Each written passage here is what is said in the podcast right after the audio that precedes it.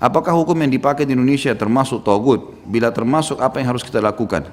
Teman-teman sekalian, masalah hukum semua yang disembah, disembah selain Allah namanya togut. Namanya togut. Tentu di sini sesembahan, ya kan? Kalau kita bicara masalah hukum pemerintahan, maka kita harus rincikan hukum pemerintahan. Hukum pemerintahan kita di Indonesia ada yang sesuai dengan syariat, ada yang tidak sesuai dengan syariat. Yang sesuai dengan syariat kita terima. Yang sesuai dengan syariat kita nasihatin. Itu tugas kita. Gitu kan? Tapi tidak bisa teman-teman dalam manhaj ahli sunnah wal jamaah antum memfonis pemerintah ini pemerintah togut. Muslim. Antum sholat kayak sekarang hadir majelis ilmu. Ini adalah bagian dari syariat. Sholat, ditakmir, azan, dikumandangkan, Ramadan, kita berpuasa, haji, pemerintah punya kloter haji, pergi, berangkat di sana. Sampai beberapa pemerintahan, bagaimana beberapa jemaah haji dari negara lain pada saat ditanya tentang biaya hajinya, mereka kaget biaya haji kita itu masih lebih murah dibanding negara mereka. Padahal negara mereka lebih dekat dengan Timur Tengah. Ada campur tangan pemerintah. Kita menikah dengan cara Islam, cerai dengan cara Islam. Ada majelis ulama Indonesia, Al-Quran boleh dicetak, buku-buku agama boleh dicetak. Berarti kan ada syariat Islam yang sedang dijalankan. Ada hal-hal yang mungkin belum sesuai dengan syariat. Baik itu yang kita dakwahi, kita kita luruskan, doakan. Sabda Nabi SAW, walaupun sedang memimpin kalian seorang hamba berkulit hitam dari Habasyah, patuhilah. Dalam riwayatnya dikatakan walaupun memukul pundak mengambil hartamu. Selama konsepnya kita tidak dilarang sholat. Sabar sebentar, nanti insya Allah Allah akan gantikan yang lebih baik. Bukan dengan cara memberontak teman-teman sekalian. Istilah togut disalahgunakan ini akhirnya bisa berbahaya. Bisa masuk dalam kelompok-kelompok yang akhirnya mengkafirkan sesama muslim dan ini berbahaya. Pemahaman yang banyak disalahfahamin saya panggil teman-teman sekalian. Wahai anak muda muslim semua antum yang dengar dan siapa yang nonton ceramah kita ini. Teman-teman sekalian anak muda muslim tenangkan fikiran masukkan iman dan ilmu dalam hati. Jangan tergesa-gesa. Ambil ayat fonis. Ambil ayat tidak dengan pemahaman sahabat lalu kemudian difonis. Wa man lam yahkum bima anzalallah kafirun Siapa tidak berhukum sama Allah berarti dia hukum Allah berarti dia kafir. Berarti kata kafir sudah kafir. Dia lupa ayat di situ tiga berentetan. Ada ayat yang kedua faulaika humul zalimun, yang ketiga faulaika humul fasikun. Berarti masih ada tingkatan di situ. Ada yang fasik, ada yang zalim. Dan istilah zalim dan fasik digunakan untuk orang-orang muslim. Kafir pun di ayat salah satu ayat ini kita harus kembali kepada pemahaman sahabat apa Ibnu Abbas mengatakan radhiyallahu anhu yang merupakan memang turjuman Al-Quran. Ini terkenal dengan orang ahlinya Al-Quran di kalangan sahabat dan ulamanya semua muslim sampai hari kiamat. Dia mengatakan ini kufrun duna kufur. Perbuatan dosanya kalau dia punya kekuatan tidak melakukannya, selama dia tidak memungkiri hukum Islam, maka dia dosa kufur tapi tidak keluar dari Islam. Yang kufur sampai pada tingkat memang dia murtad, dia tahu itu hukum Islam, lalu dia tolak serta dia memeranginya dalam arti kata memang tidak ada hukum ini. Tapi kalau cuma dia menganggap lebih baik daripada ini, ya, atau misalnya dia mendahulukannya, maka ini dilihat teman-teman sekalian. Dan juga tidak ada istilah kufur kepada seseorang kecuali telah sampai hujah padanya. Diperdengarkan, disampaikan hujah padanya. Kalau sudah terdiri hujah padanya, baru kita bisa menghakimi seseorang. Itu pun yang menghakiminya para ulama.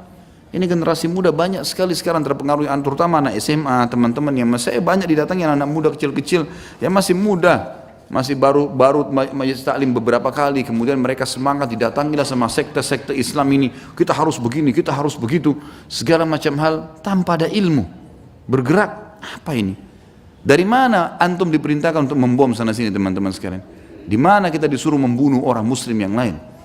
Kata Nabi SAW, siapa yang mengatakan pada saudaranya muslim kau kafir, maka kalimat itu kembali kepada salah satu dari keduanya.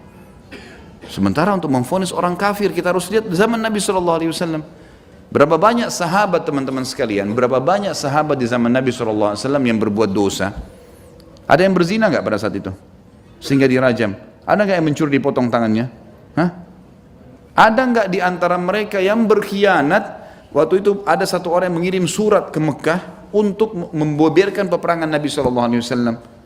Lalu dia minta maaf. Diterima oleh Nabi SAW. Hah?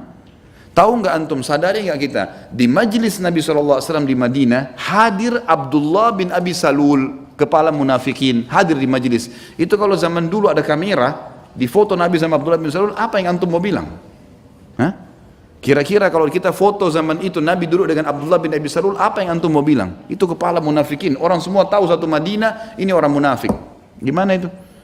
Sekarang ada orang duduk dengan seseorang yang mungkin ada bid'ahnya, mungkin ada salahnya, mungkin ada kekeliruan urusan dunia, belum sampai padanya ilmu, duduk bertanya, nih sudah difonis. Ini istijal namanya. Kata Nabi SAW, ini buru-buru. Kata Nabi SAW, Al-anatu minar rahman. Ketenangan, kebijaksanaan, tidak buru-buru memfonis dari Ar-Rahman, Allah Zam pencipta. Wal ajalatu minasyaitan. Buru-buru dari syaitan fonis sana sini, merasa dirinya benar. Antum gak lihat tuh orang-orang yang bom. Mereka sampai punya shootingan sambil mengatakan ini kalau nanti istri saya nonton saya anggap saya sedang di surga. Surga di mana? Akhi bunuh diri. Hah? Hadapi orang kafir di sana di medan perang ada hukum syari silahkan. Di Indonesia negara muslim akhirnya setelah kau membom dua tiga orang meninggal orang kafir lalu dai-dai ditangkapin sembarangan sana sini. Akhirnya ditunggangi oleh orang muslim yang benci orang Islam memang dikatakan ini adalah teroris, cirinya seperti ini. Semua yang berjenggot, semua yang gini. Yang sekarang bicara depan antum ini dulu kepala teroris begitu. Ini jenggotnya panjang selesai ini teroris. Kan menjadi masalah karena perilaku yang keliru. Naudzubillah. Padahal Islam memerangi terorisme. Haram dalam agama, gitu kan? Tidak ada teror. Kita masuk di kancah peperangan, musuh sudah kalah pun, sudah kalah dan menyerah, tidak boleh dibunuh. Kata Nabi SAW, jangan bunuh orang yang menyerah. Tidak bisa lagi. Letakkan senjata, jangan dibunuh. Selesai. Ditawan iya. Tawanan pun apa kata Nabi SAW? Berbuat baiklah kepada para tawanan. Ini. Sampai para tawanan orang-orang yang masuk ditangkap di Madinah dari orang-orang Quraisy, dari suku-suku Arab, mereka mengatakan kami tersentuh untuk masuk Islam karena melihat perilaku kaum muslimin. Sampai di antara mereka mengatakan para sahabat Muhammad sebelum mereka syahadat. Itu kalau mereka sedang memberikan makan kepada kami, maka kami menyaksikan mereka memegang roti yang manis, kemudian memasukkan ke mulut-mulut kami, para tawanan, sementara mereka sendiri memungut sisahnya. Tawanannya dikasih makan duluan, itu tawanan perang. Gimana caranya antum menghukum orang yang datang ke negara muslim dapat jaminan visa dari pemerintah? Gimana caranya ini? dakwahi, doakan. Sudah sudah berapa lama antum berdoa? Sudah berapa lama antum menasihatin? Belum ada, fonis, langkah, lalu menganggap diri benar. Hati-hati teman-teman sekalian. Nabi SAW mengingatkan tentang kaum khawarij. Saya tidak fonis siapa pun jadi sini khawarij. Saya mengatakan ciri-cirinya dikatakan Nabi SAW. Mereka anak-anak yang muda. Itu ciri pertama. Anak-anak yang masih muda karena semangatnya besar. Mereka anak-anak yang muda, gitu kan? Kemudian disebutkan ciri yang lain. Mereka suka beribadah. Semangat. Sampai kalian cemburu bacaan Quran kalian dengan bacaan mereka. Solat mereka, solat kalian dengan solat mereka. Kita anggap solat kita biasa. Tapi mereka keluar dari agama lebih cepat daripada anak panah dari busurnya. Kenapa? Karena mereka mau mengambil ayat-ayat Al-Quran teman-teman sesuai dengan pemahaman mereka sendiri. Sudah selesai. Tidak sepaham bunuh. Ini kenapa ini? Bunuh-bunuh dari mana dibunuh? Hah? Tidak boleh sembarangan teman-teman sekalian. Kalau saya saya sudah itu di kancah peperangan saya tidak boleh, apalagi yang lainnya. Jadi harus hati-hati teman-teman sekalian, belajar, perdalam ilmu, agama, terapkan dalam kehidupan kita sehari-hari, tidak usah terlalu banyak masuk dalam hal-hal yang tidak diperlukan, cari selalu kembali kepada para ulama rabbaniyin, ulama yang benar, yang bisa memandu kita supaya tidak tergopoh-gopoh dalam mengambil sebuah keputusan. Sibukkan diri dengan amal-amal soleh, tinggalkan yang dilarang sambil kita mendoakan. Saya lihat teman-teman di Indonesia, kita masih kurang untuk mendoakan pemimpin-pemimpin kita. Padahal mendoakan pemimpin bagian daripada syariat. Gitu kan? Umar bin Khattab mengatakan anu kalau saya pasti punya satu doa mustajab, pasti mustajab, saya akan jadikan untuk untuk pemimpin muslimin. Karena kalau dia baik, baik semua masyarakat.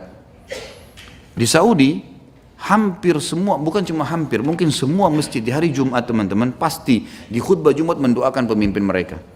Selalu ya Allah berikan dia petunjuk, ya Allah mudahkan dia menjalankan Al-Quran dan Sunnah, mudah-mudahan dia bermanfaat bagi muslimin, didoakan. Bayangkan kalau kita di, saya dapat informasi Jakarta Selatan saja sudah 2.300 masjid dan musola. Kalau seluruh wilayah, lima wilayah Jakarta ini kita punya anggap wilayah 2000, kita punya 10 ribu masjid dan musalla. Kalau semua khatibnya mendoakan pemimpin, masa tidak ada yang diterima? Supaya jadi baik, berubah. Apa mustahil seorang pemimpin yang mungkin tidak sholat atau ada kesalahannya lalu berubah dengan kuasa Allah? Allah bisa ubah. Kalau tiba-tiba dengan doa antum lalu dia berubah jadi baik, lalu kemudian dia menjadi orang yang lebih patuh, dia menerapkan hukum-hukum Allah, bukan mustahil semuanya. Dan itu termasuk dalam ingkar mungkar. Tidak selamanya dengan kekerasan, teman-teman sekalian. Ya. Ini harus difahami. Kita harus tahu kapan kita tegas, kapan kita lembut. Baginda Nabi SAW selalu memaafkan, selalu bertoleransi pada orang-orang yang salah. Tapi di kancah peperangan, pada saat masuk beda. Saya sudah pernah sampaikan riwayat Bukhari. Pada saat terjadi perang Badar, Nabi SAW waktu di Madinah lembut sekali. Ada orang kafir datang, sahabat marah, tebas lehernya Rasulullah. Sudahlah, semoga Allah berikan hidayah, semoga begini. Nabi SAW dakwahi, mereka tolak dibiarkan. Padahal Nabi SAW bisa memerangi orang-orang Yahudi, cari paksa, harus kau masuk Islam. Tapi Nabi SAW tidak lakukan itu. Tapi waktu di kancah peperangan berbeda. Beliau angkat pedang di perang Badar lalu mengatakan siapa yang mau memberikan haknya Allah dan Rasulnya di pedang ini? Lalu Hamzah mengatakan saya Rasulullah. Langsung mau diambil. Nabi SAW tarik. Ditanya lagi siapa yang memberikan haknya Allah dan Rasulnya di pedang ini? Ini di kancah peperangan. Musuh sudah depan mata. Di situ antum tunjukin kejantanan tuh. Bukan di negara yang lagi aman. Bukan lagi di sini kecuali muslimin, ada masjid, ada macam-macam, segala macam hal dihalalkan ini. Sampai muslimin pun dianggap halal darahnya. Ini berbahaya. Kata Nabi SAW, siapa yang beri haknya Allah dan Rasul di pedang ini? Berdirilah Ali radhiyallahu saya Rasulullah. Dua orang pejuang Islam yang terkenal, paman dan sepupu Nabi SAW. Nabi SAW tarik, siapa yang memberikan haknya Allah dan Rasul di pedang ini? Maka berdiri lagi Zubair bin Awam, terkenal hawari Nabi SAW. Eh, bodyguardnya Nabi, gitu kan? Zubair bin Awam ini yang membunuh ada orang uh, Yahudi tingginya seperti pohon pohon kurma di perang Khaybar. Saking kuatnya radhiyallahu anhu.